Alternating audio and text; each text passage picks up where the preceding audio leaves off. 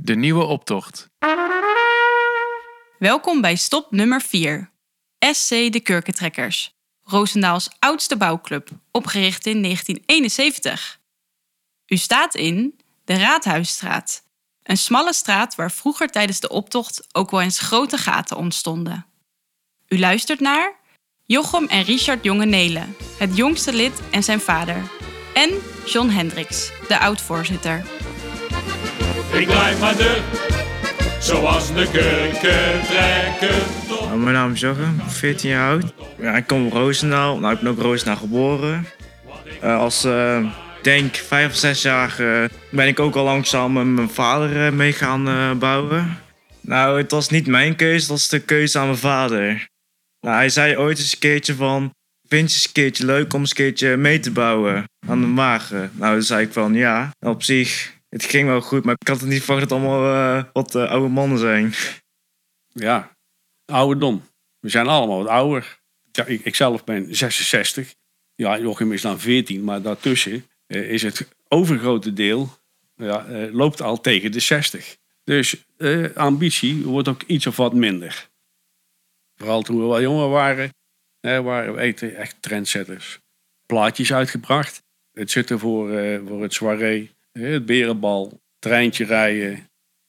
Maar we zijn toch altijd wel zo serieus bezig dat we proberen om iets weg te zetten waarmee we denken toch een, een aardige, een leuke prijs te, behalen.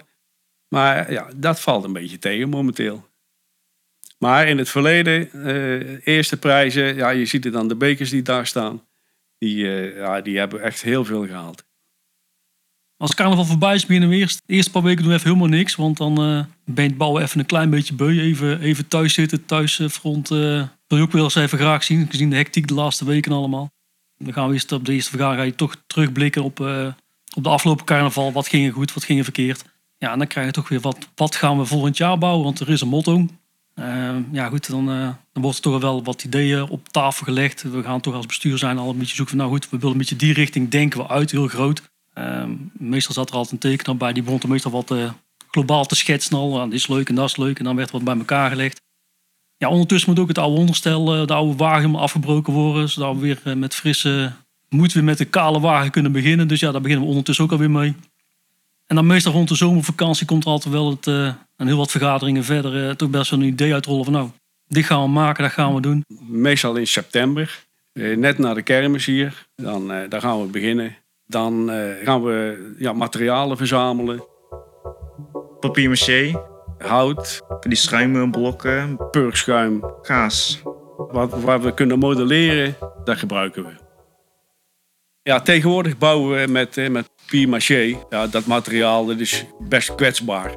Nou, in het verleden hebben wij altijd eh, met polyester gebouwd. En onderdelen van polyester die, die werden bewaard.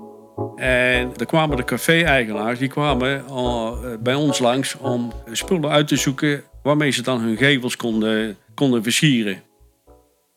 Ja, dan reden we de optocht en eh, het ene café na het andere café, daar, hing wel wat van de, eh, van de kurkentrekkers. Ja, dat was ook, ook altijd heel leuk om, om te zien dat ja, ook dat een nieuwe trend was die toen in, in gang is gekomen.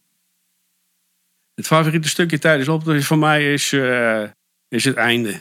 Als alles goed is gegaan, ja, valt er een heleboel van je af.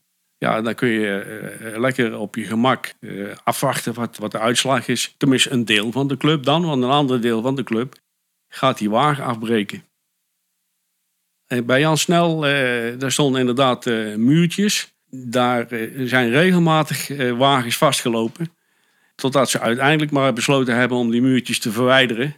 Maar eh, zoals een, een, een, een groot carnavalsvierder ook altijd zei... de lekkerste kaas zit om de grootste gaten.